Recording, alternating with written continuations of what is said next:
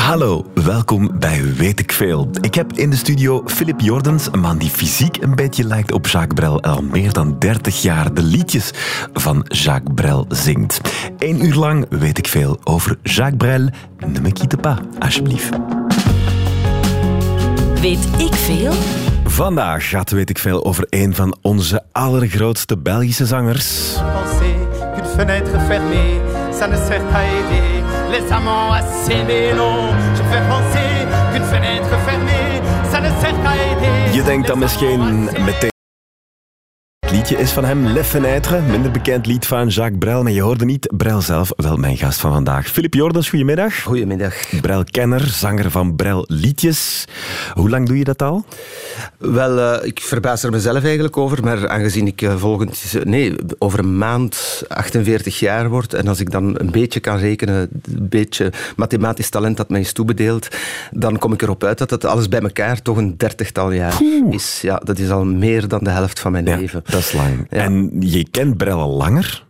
Ja, ik ben eh, opgegroeid met Brel. Ik ben eigenlijk in de schoot gewiegd met Brel. Want het verlovingslied van mijn ouders was Canton à Clamour bijvoorbeeld. Eh, om maar te zeggen dat het eigenlijk al voor mijn eh, conceptie zelfs was Brel in zekere zin al aanwezig Ja. in, in mijn leven. Maar Ja. ik denk dat dat een beetje in die mate voor iedereen geldt. Tenminste in België, omdat hij tot het collectief geheugen Ik kan daar niet aan ontsnappen aan de muziek van Brel. We gaan er een heel uur lang dieper ehm, op ingaan, op zijn muziek, op zijn leven natuurlijk. Er zijn een paar parallellen te trekken tussen jouw leven en dat van Brel ook. Eh, jij hebt ook het gevoel dat jij uit eenzelfde burgerlijk milieu afstamt. Ehm, dat is misschien een beetje kort door de bocht op die manier verwoord, maar er zijn een aantal parallellen, of tenminste eh, toen ik eh, ehm, al iets ouder was en, en geboren was en, en ik op de leeftijd was van twin- eh, 12, 13 jaar, laat ons zeggen, dus eh, rond het begin van de adolescentie. En op het moment waarop dat mensen eigenlijk op zoek gaan naar een aantal eh, antwoorden op levensvragen, dan herkende ik mij voor een groot stuk in een aantal dingen die in zijn repertoire aan bod kwamen en die mm, naar mijn gevoel niet, eh, niet helemaal toevallig zo zijn. In die zin dat inderdaad mijn eh, ouders ook eh, een, een, een typisch Belgisch eh, product waren. Mijn, mijn moeder was een, een Vlaamse Leuvense en eh, mijn vader een Franstalige Leuvenaar. Oh ja. Dus dat was al niet zo'n eh, evident huwelijk. Als Absoluut we, als niet, we nee. kijken in wat voor tijden dat we nu leven en hoe dat zich politiek allemaal vertaalt, dat dat toch eh, erg complex eh, lijkt te zijn om, Uh-huh. om die twee culturen tussen aanhalingstekens eh, samen te houden. Ehm, mijn moeder was van een eh, arbeidersgezin, laat ons zeggen. Mijn vader was een beetje uit een iets of wat gegoedere, Ja. be- eh, begoede bourgeois milieu. Ehm, en natuurlijk, door het feit dat mijn vader Franstalig was opgevoed, eh, op die momenten, die, die Franse cultuur, of de Franstalige cultuur, Die zijpelt binnen. die zijpelt binnen ook in dat huishouden. Ik kan me inbeelden dat bijvoorbeeld dit liedje dan...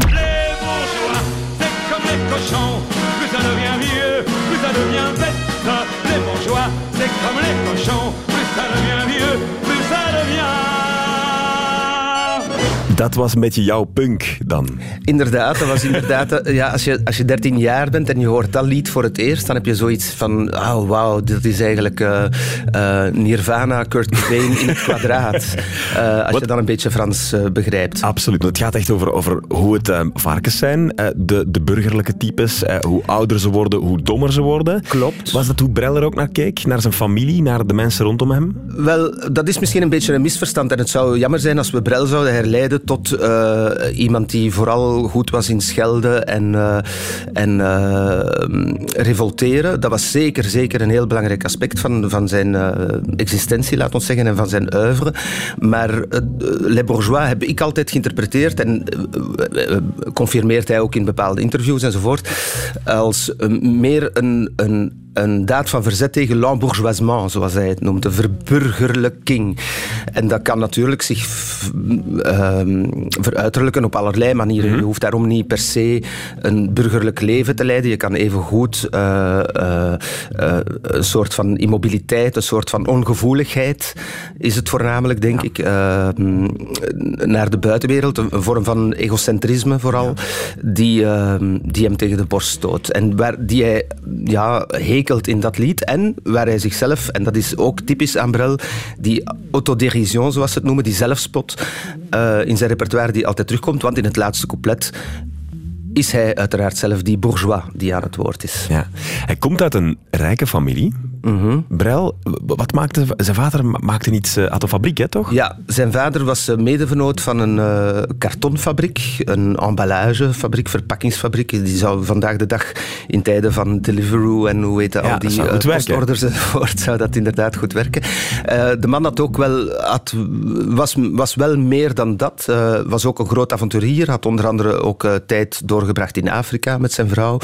Um, was daar ook al een paar keer failliet gegaan was dan toch terug naar Brussel gekomen voor de geboorte van Jacques en Pierre. Uh, Pierre was de, de broer, de iets oudere broer van Jacques. Um, maar op het moment dat, dat Jacques is geboren, uh, was hij een, een, uh, een welgestelde kartonfabrieksdirecteur. En hij had eigenlijk voor zijn zoon ook voorzien om hem op te volgen. Die zetel en dat bureautje stond al klaar, want ah, Jacques was eigenlijk een heel slechte student. ging hier in Brussel naar het collège Saint-Louis. Um, en uh, heeft daar drie keer uh, zijn uh, humaniora gedubbeld. Ah, ja. Dus op een bepaald moment... was, was het werken, werken of, of buiten? Inderdaad, ja. daar kwam dat heeft hij dus ook gedaan. Hij heeft gewerkt hij heeft, in die fabriek. Hij heeft ongeveer vier, vijf jaar heeft hij op dat bureautje gezeten. Okay. Maar dat, dat, letterlijk de stoel stond klaar.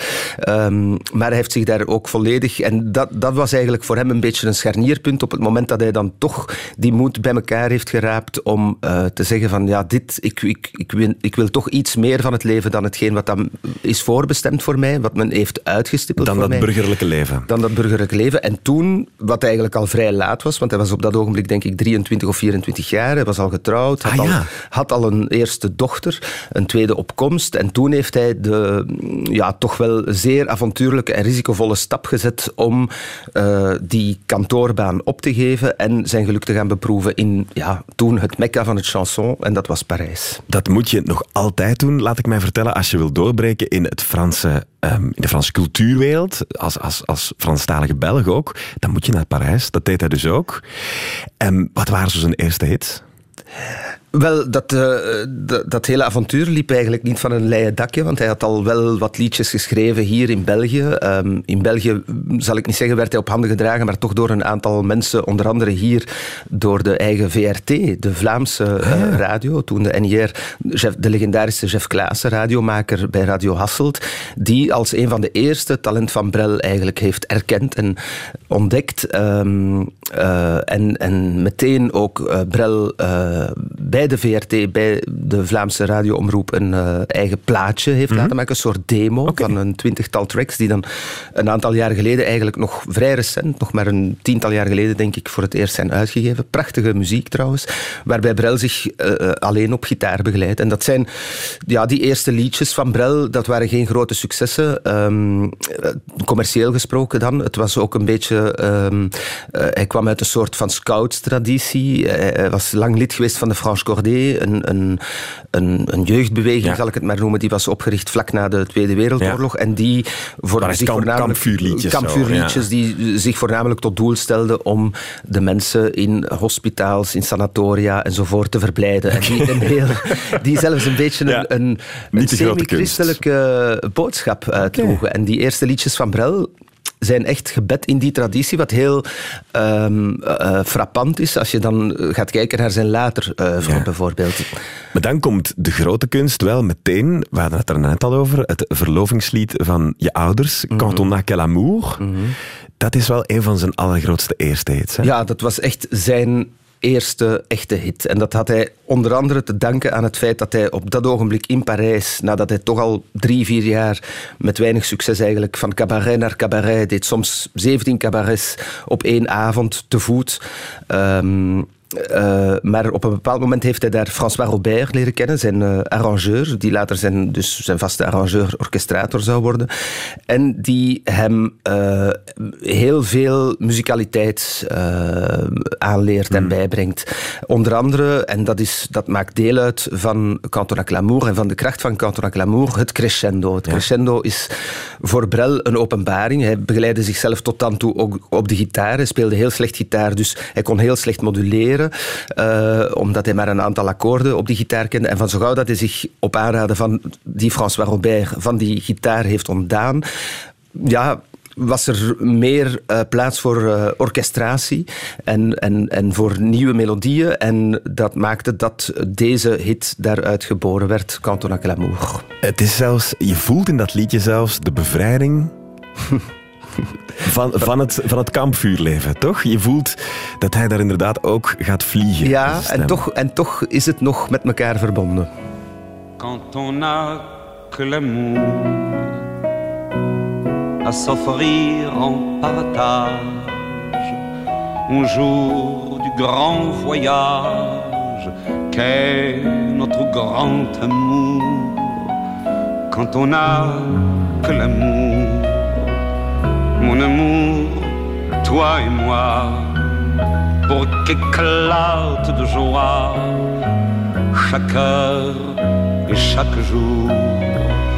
Quand on a que l'amour pour vivre nos promesses sans nulle autre richesse que d'y croire toujours. Quand on a que l'amour pour meubler de merveilles et couvrir de soleil la laideur des faubourgs quand on a que l'amour pour unique raison, pour unique chanson et unique secours.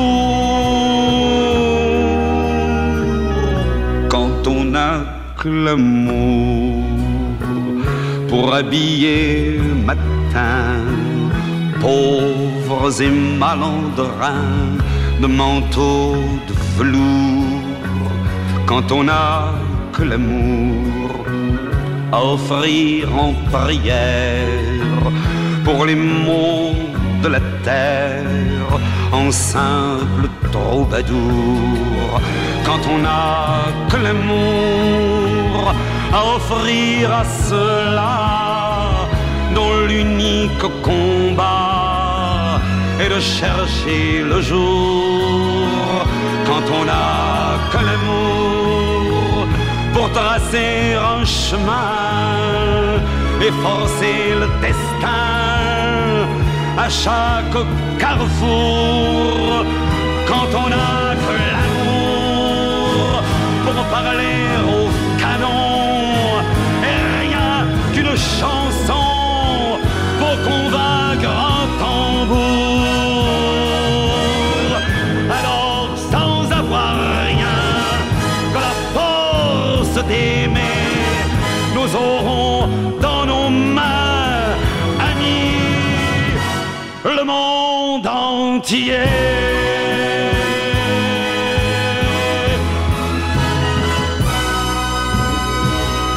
Wat een climax. Canton à l'amour van Jacques Brel. Eh, In de studio nog altijd Philip Jordens. Goedemiddag. Goedemiddag. Jij eh, zingt Brel zelfs en dat is niet makkelijk. Want Jacques Brel, dat is vooral ook echt de performer. De man die op het podium zijn hele lichaam in de strijd werpt. Dat zegt hij zelfs letterlijk. Je moet je lichaam mengen met die muziek. Il faut qu'au-dessus de cette chanson se mêle un corps, une chair, enfin, et qui doit éclater pratiquement jusqu'à tomber. Enfin, si l'acte d'amour n'est pas suivi d'un énorme épuisement, c'est qu'il n'y a pas d'amour. Ja, je moet totaal uitgeput zijn tegen het einde, anders ja, gooi je de liefde niet genoeg in de strijd bij het optreden. Dat is niet makkelijk als, als, als zanger van de liedjes van Brel, toch? Eh, Goh, ik weet niet of het... Of het voor, voor mij is het bijna een evidentie, maar dat heeft misschien ook te maken... Het, het, het is sowieso een enorm theatraal repertoire. Ja. En Brel heeft het ook... ehm, eh, of, of beschouwde het chanson ook, ook als dusdanig. Hij, hij beschouwde het bijna als een vorm van theater. Het was de, de vertelling, het narratief was vooral belangrijk. De muziek was misschien, eh, ik zal niet zeggen bijkomstig, maar was op, op een gelijkmatig plan als, als de tekst. En, ehm, eh, en, de, en de live act was in die mate heel belangrijk, omdat hij uh, het chanson wou bedrijven en geen poëzie wou maken. Hij, hij, voelde zich absoluut geen dichter. Hij heeft ook altijd zijn eigen schrijfkunst eigenlijk geminimaliseerd. Een beetje raar, afgedaan als, zijn wel echt, als badkamer. Het zijn wel gedichtjes, toch?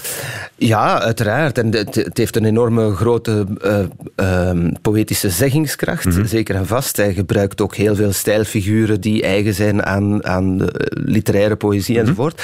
Maar ik, ik, ik, volg hem wel in die mate dat het natuurlijk uh, um, teksten zijn die bedoeld zijn om gebracht te worden, zal ik het maar noemen. En dat doet hij niet zomaar, dat deed hij zoals hij net in het fragment zei, met zijn hele lichaam. Mhm. Er wordt gezegd van Brel dat hij bijna elk optreden voorafgegaan werd door een kotspartij of door toch op zijn minst een ongelooflijke ja, onzekerheid, ja, het podiumangst? Is, het, is, het is, zeker en vast zo dat hij, maar ik denk dat, dat, dat, dat, elke podiumkunstenaar dat ongeveer wel zal erkennen of onderkennen, dat, dat, dat er een enorme trak mee gemoeid uh, gaat, uiteraard. Die, die verhalen van die kotspartijen zijn intussen legendarisch geworden. Die zijn ook misschien een beetje gecultiveerd, ook door degenen die uh, hem overleefd hebben en die het, het verhaal blijvend zijn uh, gaan aandikken enzovoort. Maar het is, het is vast en zeker zo dat het geen evidentie was en dat het een, een heel intense ervaring was. Hij, de, de, optredens of concerten vergeleek hij niet alleen met vrijpartijen, maar ook met stierengevecht of met een bokspartij.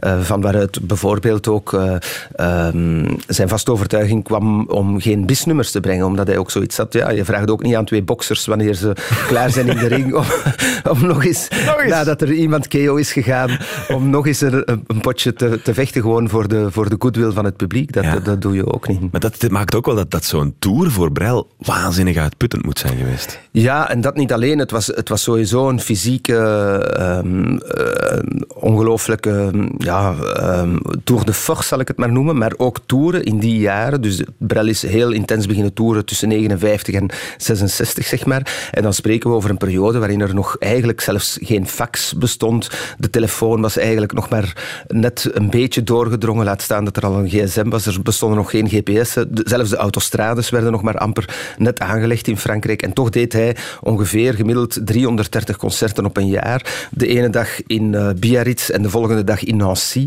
Dus er werd uh, in caravaan gereden van het ene concert naar het andere. Was ook geen, um, geen tijd om te soundchecken of nauwelijks. Uh, monitoring bestond ook nog niet. Alles gebeurde via de façade van de zaal. dat, dat, moet dan, dat was... moeten dan echt ja, pensenfestijnen geweest zijn, toch? Ja, het moet, het moet er enorm Bruggeliaans aan toegegaan zijn. Maar wel, dat, en dat... Um, Ehm, ondanks al die moeilijke omstandigheden, ik denk dat we daar vandaag de dag wel een eh, les kunnen uittrekken, um, leverde hij toch echt ongelooflijk. Dat, ik heb een paar mensen mogen ontmoeten die, die konden getuigen eh, van eh, zelfs in de meest afstandse kleine provinciestadjes in Frankrijk die ooit wel een concert van Brel hebben bijgewoond. En ondanks de afschuwelijke omstandigheden van soms piano's die gewoon compleet vals mm. gestemd waren, uh, leverde hij toch elke keer een fantastisch concert af. Je hebt hem zelf nooit gezien, hè? Ik heb hem zelf uiteraard nooit gezien. Ik was drie jaar toen hij is uh, gestorven. En toen was hij al uh, ongeveer tien of uh, vijftien jaar gestopt met optreden. Hij is vrij vroeg gestopt. Hè? Wel op een soort van hoogtepunt van zijn carrière stopte hij met optreden. Hij is heel vroeg gestopt met, of tenminste toch ja, op zijn 37 jaar. Een, ongeveer een, een, tiental jaar na het eerste succes van uh, Canton à Clamour, zeg maar. Die tien intense jaren van, van, van tournees. Maar ja, het vat was op dat moment af en uh, hij had zin om andere dingen te gaan doen. waarom beslis je dat? Is, is dat echt gewoon uit, uit, pure angst voor dat podium? Nee, ik denk, nee, nee, nee. nee. Dat, dat, de, de, want op dat moment in, in zijn uh, loopbaan, want ik vind carrière altijd zo'n afschuwelijk woord, maar um, uh, was hij, hij, hij, noemde het zelf eigenlijk een beetje meer de angst voor de gewenning. Het was, hij, hij, was, hij had ook die kartonfabriek, die directeurspost in die kartonfabriek verlaten, op zoek naar iets nieuws, naar een nieuw avontuur. Hij was op zoek naar een antwoord. Hij was op hmm. zoek, ja, laat het ons maar naar geluk noemen. En hij heeft zelfs daarover gezegd dat de muziekindustrie hem ongelooflijk heeft teleurgesteld. Want dat hij hoopte van daar iets te vinden wat hij ook niet gevonden heeft. Dus uiteindelijk was het toch, ik zou het niet durven noemen verbittering, maar de ehm, een, een, een getormenteerdheid die heel typisch was misschien aan hem, die, die hem ja, uh, prikkelde om op zoek te gaan naar nieuwe uitdagingen. Dus het was, ja, ik denk dat het vat gewoon af was. Hij is wel blijven muziek schrijven, uiteraard. Mhm. Hij is dan ook films gaan maken.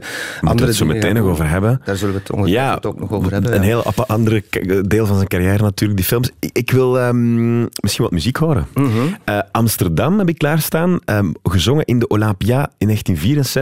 Mm ja. Dat vond je belangrijk om te laten horen? Ja, in die zin van, het is natuurlijk een uh, heel emblematisch nummer en hier komt ook alles samen. Uh, het is wel uh, een, een, in die zin de live versie. Er bestaat ook maar één versie van. Hij heeft het nummer zelf nooit opgenomen in de studio. Dat had er deels mee te maken dat hij zelf altijd een heel ambiguë verhouding is blijven houden met dat nummer. Hij geloofde er zelf eigenlijk niet in. Maar toen hij het try-out aan de vooravond van zijn concertenreeks in, de, in, een, in een klein theatertje Le Cyrano in Versailles. Uh, een paar dagen voordat hij een maand lang in de Olympia zou gaan optreden. En hij had het geprogrammeerd als derde nummer uh, van zijn set. Omdat hij dacht, de eerste drie nummers zijn eigenlijk voor een artiest minder belangrijk. Want dan is het publiek meer bezig met te kijken naar de artiest. En zijn ze minder bezig met wat is de artiest aan het zingen. Zijn ze minder uh, gevoelig voor welk liedje er klinkt. En het staat ook toe om een betere balans af te stellen in de zaal mm enzovoort. Maar toen hij het zong in Versailles op die avond, toen kreeg hij meteen een kwartier durende staande ovatie. Waardoor hij het, het lied dan, in de Olympia nog wel later in zijn show heeft geprogrammeerd. Maar het bleef uh, op ongelooflijke applaussalvos uh, ontvangen worden. Um, maar het, het, het, is een typisch, ja, een heel erg Brilliaans nummer in, in zijn schriftuur, in zijn muzikaliteit. Er zit ook weer die crescendo in.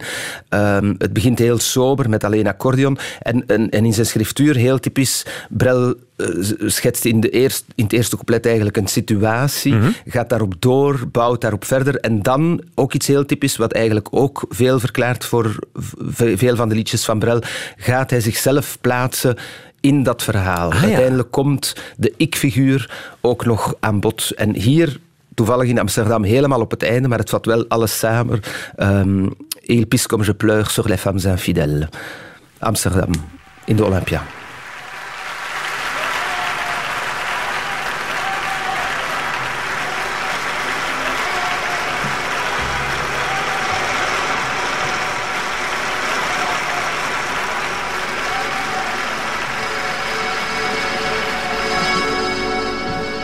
Dans le port d'Amsterdam, il y a des marins qui chantent les rêves qui hantent au large d'Amsterdam.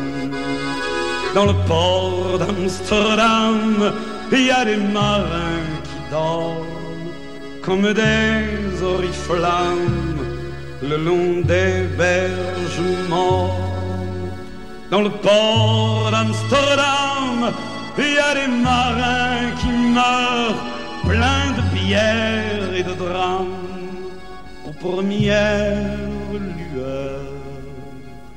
Mais dans le port d'Amsterdam, il y a des marins qui naissent dans la chaleur épaisse des longueurs océanes dans le port d'Amsterdam. Il y a des marins qui mangent sur des nappes trop blanches, des poissons ruisselants. Ils vous montrent des dents à croquer la fortune, à décroisser la lune, à bouffer des haubans. Et ça sent la morue jusque dans le cœur des frites que leurs grosses mains invitent à revenir en pluie, puis se lèvent en riant dans un bruit de tempête, referment leurs braguettes et sortent en rotant dans le port d'Amsterdam. Il y a des marins qui dansent en se frottant la panse sur la panse des femmes. Ils comme des soleils crachés dans le son déchiré d'un accordéon rance. Ils se tordent le cou pour mieux s'entendre rire jusqu'à ce que tout à coup l'accordéon expire alors le geste grave, alors le regard fier, ils ramènent leur batave jusqu'en pleine lumière.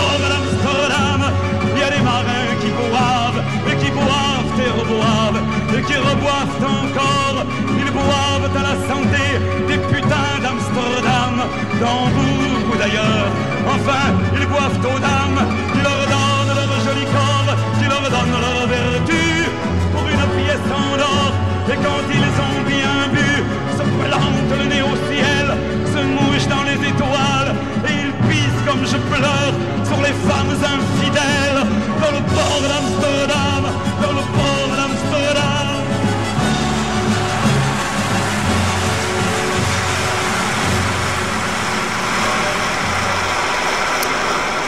De live versie, maar ook gewoon de versie dus eh, van Amsterdam live in de Olympia in ehm, 1964. Daar heeft hij heel vaak opgetreden, hè, in de Olympia. Ja, ik denk dat hij ongeveer... eh, enfin, de Olympia heeft hem groot gemaakt, maar hij heeft zeker ook de Olympia groot gemaakt. ja. Absoluut. Ehm, dat liedje Amsterdam is ooit nog gecoverd ook door deze man. In the port of Amsterdam, there's a sailor who sings. Door Bowie, ook door Marion Faithful. Dus hij had toch een beetje ongelijk wanneer hij dat lied aan de kant schoof als niet zo interessant. Ja, het, het, eh, maar dat heeft hij wel met meerdere. Hij vond Nemekitapa bijvoorbeeld. Brel was ook iemand, een man van lijstjes. En, Ja. en hij ga- gaf zijn eigen liedjes ook eh, een quotering. Ja. Ehm, en Nemekitapa bijvoorbeeld was ook een, vond hij zelf een ondermaats nummer eigenlijk. Maar de geschiedenis heeft hem ongelijk gegeven. Ja. Want het is uiteindelijk toch de ultieme hit geworden, gecoverd door en Dusty Springfield tot Whitney Houston over Frank Sinatra. Ja, het staat ook heel vaak op één in, in lijstjes van het beste Belgische lied aller tijden. Ja. Ehm, hij wordt natuurlijk bewonderd door heel veel mensen. Ehm, er wordt heel vaak gezegd Stromae en Brel. Mhm. Dat, zijn, dat zijn mensen wiens leven wat gelijk lopen. We hebben het daarnet al gehad over het feit dat de Brel stopte met optreden. Stromae lijkt het daar ook regelmatig moeilijk mee te hebben. Zie jij die gelijkenis? Wel, het is misschien wat moeilijk om, om, om daar een uitspraak over te doen. En elke uitspraak die ik daarover zou doen, zou louter speculatief zijn. Want ik ken Stromae hoegenaamd niet. Ik Nee. ken, zijn, ken zijn werk een beetje. En inderdaad, in die zin, ja, het is ook een heel eh, typische, voor mij tenminste, een heel Belgisch repertoire. Ja. Ehm, ik denk dat, dat hij ook inderdaad voor, voor een groot stuk, maar eh, niet alleen hij, ik denk dat bijna elke Franstalige artiest eh, in grote mate schatplichtig is aan, eh aan, aan Brel-repertoire. Dat heeft toch een aantal ehm, nieuwe bakens uitgezet eigenlijk naar, naar, naar die muziek toe. Ehm, ja, ik, ik kan, eh, enfin, in, in die zin, voor zover dat ik er dan iets van begrijp, is dat het voor Stromae ook niet zo evident is om in die muziekindustrie Ja. mee te draaien. Ja, ja, dat- dat het misschien de eh, gelijkenis is. Ja, dat, dat was voor Brel in elk geval ook niet evident. Ja. Wat misschien een optie is voor Stromae, is dan om naar de film toe te gaan. Want dat heeft Brel gedaan op een moment. Ehm, bijvoorbeeld, eh, dit is muziek uit een bepaalde film, Far West, ehm, La Rue La Rencontre. Hij heeft zelf een film gemaakt. Dat was een soort fantasietje dan eh, Ja, van hem. hij heeft eh, twee films gemaakt en het fragment dat we nu horen heet inderdaad ehm, La Rue La Rencontre en komt uit zijn tweede film eigenlijk, Le Far West. Ik vind het een prachtige melodie. Hij heeft het samengeschreven alweer met zijn arrangeur François Robert. Ja, echt zijn eh, muzikale spitsbroer, zijn, zijn wapenbroer.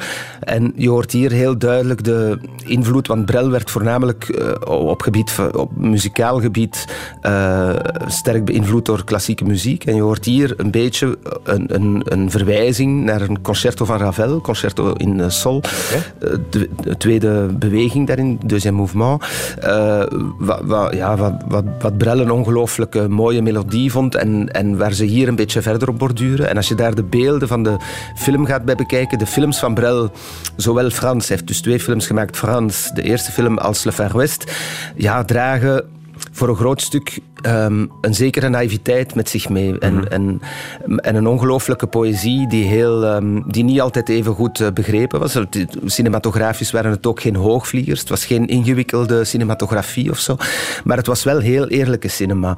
Ehm, en ja, die, Om, eerlijk als in het blijft dicht bij zichzelf. Heel authentiek, Ja. heel eh, een beetje een tikkeltje naïef zelfs. Zoals Le Far West vertelde het verhaal over volwassen mannen die zichzelf eh, eh, cowboys waren en die op zoek gaan naar goud, goudzoekers. Ja. Maar eigenlijk gaat het ja, voor een groot stuk een, een, een, een wederkerend thema bij Brel toch. Ehm, gaat het voor een groot stuk misschien over, over het verlies van de onschuld, over, over eh, eh, veel aspecten van, van onze kindertijd die we kwijtraken als volwassenen. Hij beschouwde volwassenen ook als deserteurs. Hij, hij wilde zelf eigenlijk ook absoluut niet volwassen worden. Dat Eh, klinkt ook wel als een soort vlucht. Hè? Niet volwassen willen worden zou ook kunnen zijn dat je dat je de verantwoordelijkheden van het volwassen leven niet... Wel, daarover zei Brel altijd, het is grappig eigenlijk dat het degenen zijn die blijven zitten, altijd over de anderen die in beweging zijn, zeggen dat ze wegvluchten. Eh, hij, was, eh, vond het afschuwelijk, die mobiliteit van de mensen, eh, de, om, om, om, om genoegen te nemen met het leven zoals het zich. Aan u voorstelt en niet zelf actief op zoek te gaan naar eh, nieuwe horizonten, nieuwe, nieuwe manieren om dingen te zien. En dat heeft hij gedaan door, onder te andere maken. films te maken, door in films te gaan meespelen. Hij heeft ook in een musical meegespeeld, dat moment? Absoluut, ja. Dat, dat was ook een... eh, eh, ja, alles, alles wat Brel deed was, een, was, was met passie. Was een, een, dus een, in die zin een beetje een bevlieging.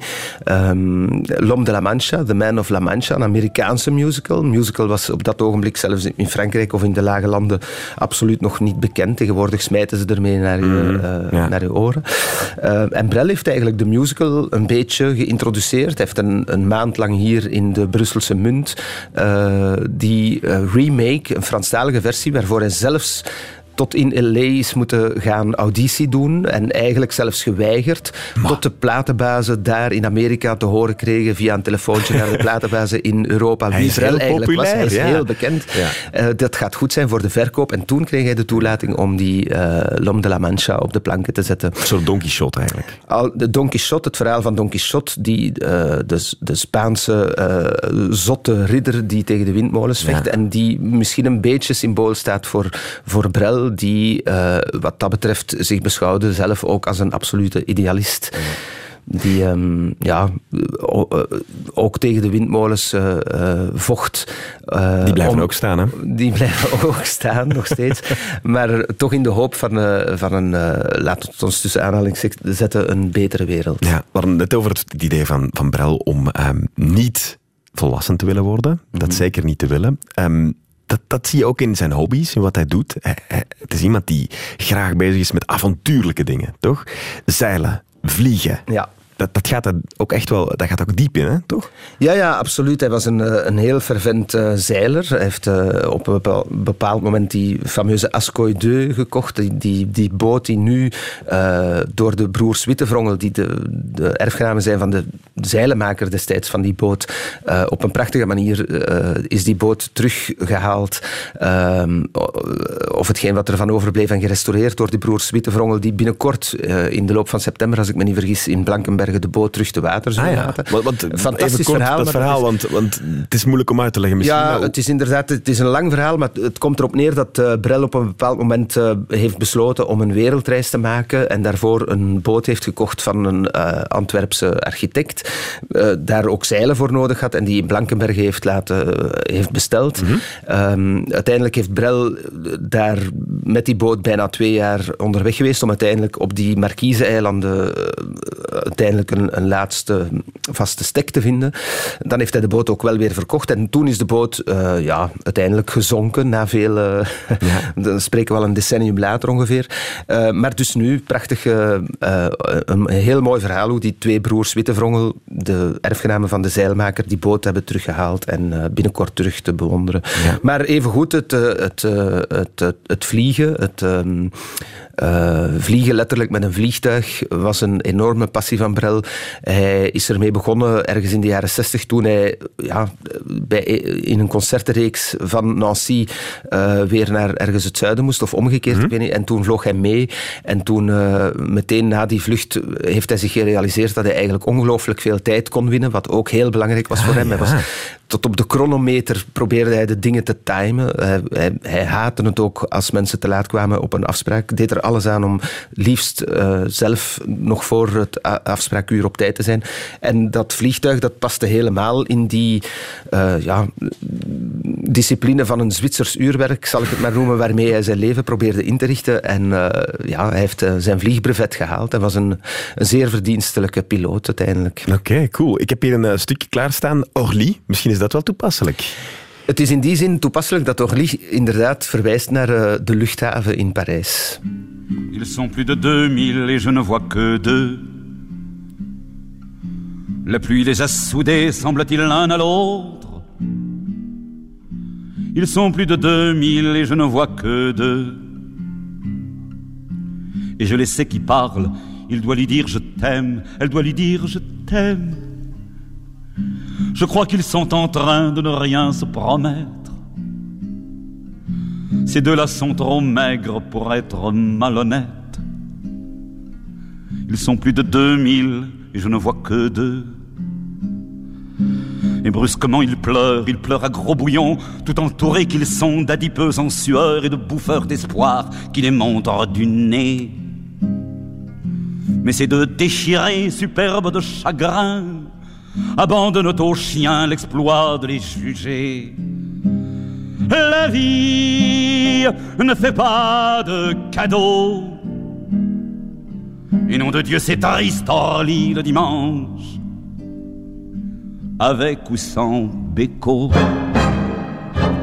Et maintenant il pleure, je veux dire tous les deux. Tout à l'heure c'était lui lorsque je disais il. Tout encastrés qu'ils sont, ils n'entendent plus rien que les sanglots de l'autre. Et puis, et puis infiniment, comme deux corps qui prient, infiniment lentement, ces deux corps se séparent, et en se séparant, ces deux corps se déchirent, et je vous jure qu'ils crient. Et puis ils se reprennent, redeviennent un seul, redeviennent le feu, et puis se redéchirent, se tiennent par les yeux. Et puis en reculant, comme la mer se retire, ils consomment l'adieu, ils bavent quelques mots, agitent une vague main et brusquement il fuit, fuit sans se retourner, et puis il disparaît, bouffé par l'escalier. La vie ne fait pas de cadeaux. Et nom de Dieu, c'est triste, le dimanche, avec ou sans béco. Et puis il disparaît, bouffé par l'escalier, et elle, elle reste là cœur en croix, bouche ouverte, sans un cri, sans un mot. Elle connaît sa mort, elle vient de la croiser. Voilà qu'elle se retourne et se retourne encore. Ses bras vont jusqu'à terre. Ça y est, elle a mille ans. La porte est refermée, la voilà sans lumière. Elle tourne sur elle-même et déjà elle sait qu'elle tournera toujours. Elle a perdu des hommes, mais là, elle perd l'amour. L'amour le lui a dit, revoilà l'inutile, elle vivra de projets qui ne feront qu'attendre la revoilà fragile avant que d'être à vendre. Je suis là, je la suis, je n'ose rien pour elle, que la foule grignote comme un quelconque fruit. Is een liedje, Orly, dat op zijn laatste plaats staat. We hadden het net over de Marquise-eilanden, waar hij met zijn boot naartoe is gevaren. Die plaat heet ook Le Marquise. Waarom? Wat had hij daarmee? Wel, het is inderdaad zijn, zijn laatste uh, toevluchtsoord, zal ik het maar noemen, uh, geworden. Hij heeft er uiteindelijk uh, alles bij elkaar een tweetal jaar met veel heen en weer gereisd tussen Europa, want het is helemaal de andere kant van de wereldbol, zeg maar. Mhm. Dus het was al niet zo evident om daar te geraken. Het toeval heeft hem daar ook een beetje gebracht. En het, eh, het, eh, het, wat hij er fantastisch aan vond, was dat hij op een bepaald moment tijdens die wereldreis eigenlijk zijn post ging ophalen. Toen moest je nog je eigen post gaan ophalen. En dat eh, was dan op dat eiland. En hij stelde zich voor als uh, monsieur Jacques Brel, die zijn post kwam ophalen. En er was niemand die hem herkende. En dat vond hij uiteraard fantastisch. Dat had hij nog nooit meegemaakt. Dat hij op een plek kwam op de wereld. Hij had het eindelijk gevonden. Een eiland waar hij onbekend was. En toen heeft hij besloten om daar een, uh, een hele tijd door te brengen. Voor die laatste plaat is hij uiteraard wel moeten terugreizen naar Parijs. Ja. Heeft hij nog ingezongen. Op dat ogenblik was hij al geopereerd. Er was al longkanker geconstateerd. Had hij nog maar één long. En het is een beetje zijn muzikaal eh, testament geworden. Ja. Waaruit we hier nu Orly eh, beluisteren. Ja, er staan heel mooie liedjes op. Veel liedjes over afscheid nemen. Voir un homme pleurer zit daar ook bij, bijvoorbeeld, dacht ik. Voelde hij dat aan dat dat zijn allerlaatste ging zijn? Ja, hoewel dat hij zelf nooit eh, gedacht had dat... eh, de- of hij is altijd toch vrij eh, optimistisch gebleven over, over het eh, bevechten van, van, die, van die ziekte. Ehm, maar ongetwijfeld, ja, het, het leven was in de jaren die daaraan voorafgaan niet bepaald mild geweest voor Brel. Zijn dochter Frans heeft daar nu recent twee prachtige films over uitgebracht die te bekijken zijn in de Fondation Brel en die echt een aanrader zijn. Oké. Eh, sowieso, ik vind het, het werk dat, de, dat, dat Frans, de familie Brel, eigenlijk in de afgelopen jaren is aan het doen om die, eh, wat zij ooit gezegd heeft over haar vader. eh, mijn vader eh, is, is een diamant en heeft verschillende facetten. En het zou jammer zijn als we maar één facet Ja. eh, eh, zouden laten schitteren. We moeten, we moeten hem tonen. En soms lijkt het misschien zelfs een beetje alsof zij eh, bewust bijna die hagiografie, die heiligverklaring die de afgelopen decennia rond Brel een beetje werd gecultiveerd o- op bepaalde momenten door bepaalde mensen, bepaalde milieus. Ehm, misschien ook voor een stuk geaccapareerd door een aantal mensen, ehm, eh, alsof ze dat wil ondergraven. Ja. Dat ze, maar de- ik, ik, ik meen dat ze echt een, een poging doet om hem juist in, nog meer vanuit de menselijke kant en, daardoor- ook zijn kleine kantjes, eh, zijn, zijn verbittering, zijn getormenteerdheid, zijn frustraties die hij ook had, eh, uiteraard. Ze Eh, heeft dat zelf ook meegemaakt. zij heeft het heel intens meegemaakt, want zij is mee vertrokken op die wereldreis. Ze dacht dat ze met haar vader, eh, met hun twee, op een boot zouden zitten. Uiteindelijk had Brel ook nog een, eh, een, een vriendin meegevraagd, waar hij toen een relatie mee had. Niet, niet de moeder van zijn dochter, eh, dus een andere vrouw. Maar hij, had ook wel, hij was vast van plan om ook zijn vrouw ook nog op die boot uit te nodigen. En daar, hoe, hoe hij dat dan zou aanpakken, dat was voor Frans tot op de dag vandaag, vandaag ook allemaal nog een beetje een raadsel. Maar hij had daar zelf een heel... ja, een, een, een- hij, hij vond het eigenlijk allemaal evident. Het was eh, iemand Ja. die, die, die toch...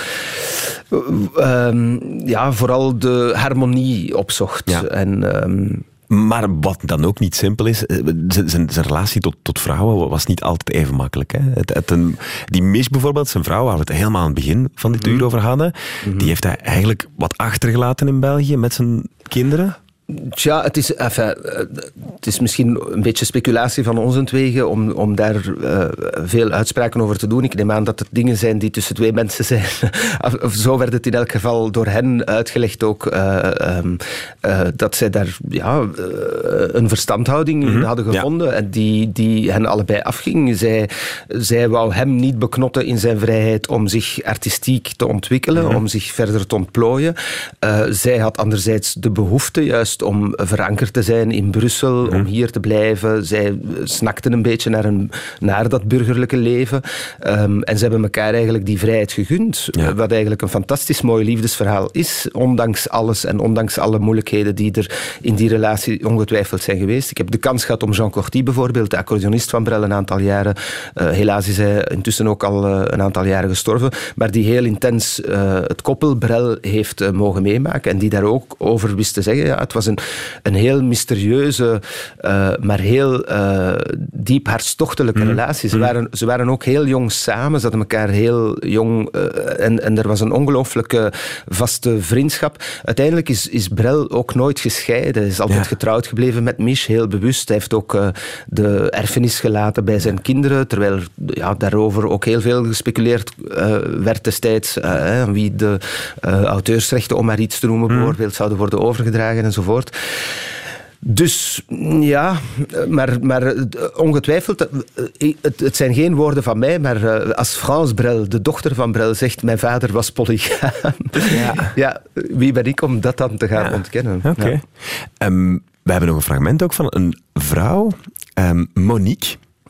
Dat is iemand die hem heeft gekend als uitbater van een restaurant. En je wilde dit fragment heel graag laten horen. Ja, omdat ik, ik heb het ooit gehoord, maar het was zo in een flits, Mhm. in, nog voor het digitale tijdperk. Ik denk dat de gsm zelfs nog niet was eh, uitgevonden in 1996. Want zo blijkt nu achteraf, toen ik hier met de redactie van dit programma Ja. eh, een beetje eh, research deed. En ik, ik had dit fragment altijd in mijn hoofd, omdat ik het ooit dus, ja, in een vluchtig moment op de radio heb gehoord. Op Radio 1. Op Radio 1, eh, het- uit een reportage van Martin Heijlen destijds, ehm, die ehm, Paul van Bever en Monique Sachaert was gaan opzoeken, de uitbaters van eh, restaurant Le Diodon in Zeebrugge, waar Brel eh, regelmatig, zeker in de laatste jaren van zijn leven, eh mosselenfriet ging eten. Ik weet niet precies hoe lang het fragment, maar het is misschien leuk om er Een eerst stukje laten te horen, ja. Ik heb hier enkele brieven dat je mag doorlezen en dan ga je zien wat dat bril is. Dat dateert van de 15e mei 78. Lieve Paul, cher Paul. eh, ik ben blij van u te lezen. Van u te lezen. Ik, eh, ik denk aan u van, van ver. Ik ben blij dat u een goede resolutie genomen hebt om geen alcohol meer te drinken. Mij hij ook. Eh, als ik nog eens alcohol drink, is het de dood. De doedoe, ik heb hier de doedoe nevens mij. De doedoe, dat was zijn laatste meisje waar dat hij bij was. Ik blijf hier soms twee à drie weken zonder iemand te zien. En dat is goed zo. Ik probeer nu te dromen. Heb ik gelijk? Ja? Maintenant, eh, nu laat ik u met vrede. Ik kom wel u en Monique en al die dat je lief hebt. En dat het leven zoet is. Tot straks, Jacques. Zegt aan uw Duitse schaper que je l'aime aussi. Wat eh, vind je daar zo mooi aan? Ja, het is, het is een kort stukje uit de hele reportage. Ehm, ja, als je bedenkt dat dit een van zijn laatste brieven... Ze hebben elkaar daarna nog één keer gezien. Ik denk dat hij in juli dan nog één keer in het restaurant is geweest. Ehm, maar ja, je voelt aan alles dat het ook een soort afscheidsbrief is. En als, als iemand als Brel zegt van... Ik, ik breng hier soms twee à drie weken door zonder iemand te zien. En dat is goed zo. Als je dan bedenkt wat voor leven dat die man heeft gehad... en hoeveel mensen dat hij dagelijks zag. Want het, eh, die, eh, hij, hij door het leven, eh, bij wijze van spreken. Dat hij Ehm, toch de tijd nam om dan een brief te schrijven. ja, ook, maar vooral ook dat hij. eh, ehm, je voelt dat hij in zekere zin ehm, eh, toch een beetje uitgeraasd is. Wat ook begrijpelijk is, natuurlijk, gezien de ziekte en, eh, en de, de situatie waarin hij zich bevindt. Maar. ehm, ja, je voelt heel veel liefde. eh, ze, vertelde het ook dat het eh, een, een heel intense vriendschap was tussen, tussen hen. en die generositeit en die eh, hartelijkheid van Brel, ehm, ja, hoor je nu hier door het, door het eh, citeren van die brief een beetje door, maar in heel het eh, radiofragment Ja. van destijds voel je dat eigenlijk doorheen heel het discours van, van, van. Wat het extra interessant maakt, is natuurlijk dat er ook wel een soort van spanning was soms tussen de Vlamingen in het algemeen en Jacques Brel. Dat is door de media ook al wat opgeklopt toen en, en nog altijd. En dat had dan te maken met bepaalde liedjes die hij heeft eh, gezongen over Vlaanderen. Dan juicht mijn land, mijn vlak land. Want dat was wel zijn vlakke land. Hij had mooie herinneringen aan de kust, maar dan waren er ook andere liedjes, zoals... Nazis durant les guerres et catholiques entre elles, vous oscillez sans cesse du fusil au missel. Vos regards sont lointains, votre humour est exsangue, bien qu'il y ait des rues à Gand qui pissent dans les deux langues. Les Flamingants, ofwel Les F, want dat moest dan ja, met drie puntjes eh, erachter. Je had Les Flamandes. Dat waren niet altijd de mooiste ehm, blikken op de Vlaamse bevolking. Tja, er is een Franse uitdrukking die zegt qui aime bien châtie bien. Eh, en ik denk eh, dat dat in dit geval heel hard opgaat voor, voor, voor Brel. Maar eh, tegenover de, de- de Vlaming zou misschien eh, overdreven zijn, want, uh, maar het is, het is waar dat het een complexe relatie mm. was, maar even goed. we hebben het daarnet al gehad dat hij een complexe relatie met zijn vrouw. Ja. hij had ook een complexe relatie met veel van zijn vrienden, met zijn producent, met zijn manager. het was allemaal niet, niet, niet, niet eenduidig en niet eenzijdig. Mm. En ik denk dat als je de optelsom maakt van al die liedjes, uiteindelijk al die liedjes, daar spreekt toch één ding uit. Uh, het is een heel Belgisch repertoire. Het, het, gaat altijd over België, meestal zelfs over Vlaanderen. Mm hij beschouwde zich ook als Vlaming puur. Um, uh, stamboomkundig mhm. heeft hij gelijk, want komt hij, de familie Brel was afkomstig uit de regio rond Menen. Mhm. Ehm, nu natuurlijk, hij was uh, ook streng bijvoorbeeld tegenover, uh, tegenover het religieuze aspect van de... We hebben daarnet in het begin van de uitzending Le Bourgeois, mhm. wat dan weer gaat over een attitude in het, in het leven. Dus hij was een heel kritisch man en was dat zeker en vast ook voor Vlaanderen. Ja. Maar... het was geen haat. Het was zeker geen haat. Ja. Nee. We gaan... Um stilaan moeten afsluiten. Mm Filip Jordens, want ons uur is bijna voorbij. Misschien moeten we ook nog wat, wat muziek laten horen. Um, misschien nog um, even kort zeggen dat jij binnenkort ook nog Brel gaat zingen. Jawel. Uh, want dat doe jij ondertussen al meer dan 30 jaar. Uh, de komende weken doe je dat ook. en dus doe ik er nog een paar bij. ja. In Tongeren, Maasmechelen, Antwerpen, later dit jaar nog in Anderlecht. Onder andere alle info vind je op filipjordens.com. Mm En dan zullen we misschien nog een kort stukje luisteren van een meer up-tempo nummer, want we hebben veel trage trieste liedjes gehoord. Dit is Madeleine. Soir j'attends Madeleine, j'ai apporté du lilas, j'en apporte toutes les semaines. Madeleine, elle aime bien ça. Ce soir j'attends Madeleine, on prendra le tram 33 pour manger des frites chez Eugène. Madeleine, elle aime tant ça. Madeleine, c'est mon Noël, c'est mon Amérique à moi, même qu'elle est trop bien pour moi, comme dit son cousin Joël. Mais ce soir j'attends Madeleine, on ira au cinéma, je lui dirai des je t'aime. Madeleine, elle aime tant ça, elle est tellement jolie elle est tellement tout ça, elle est toute ma vie, Madeleine, que j'attends là, là.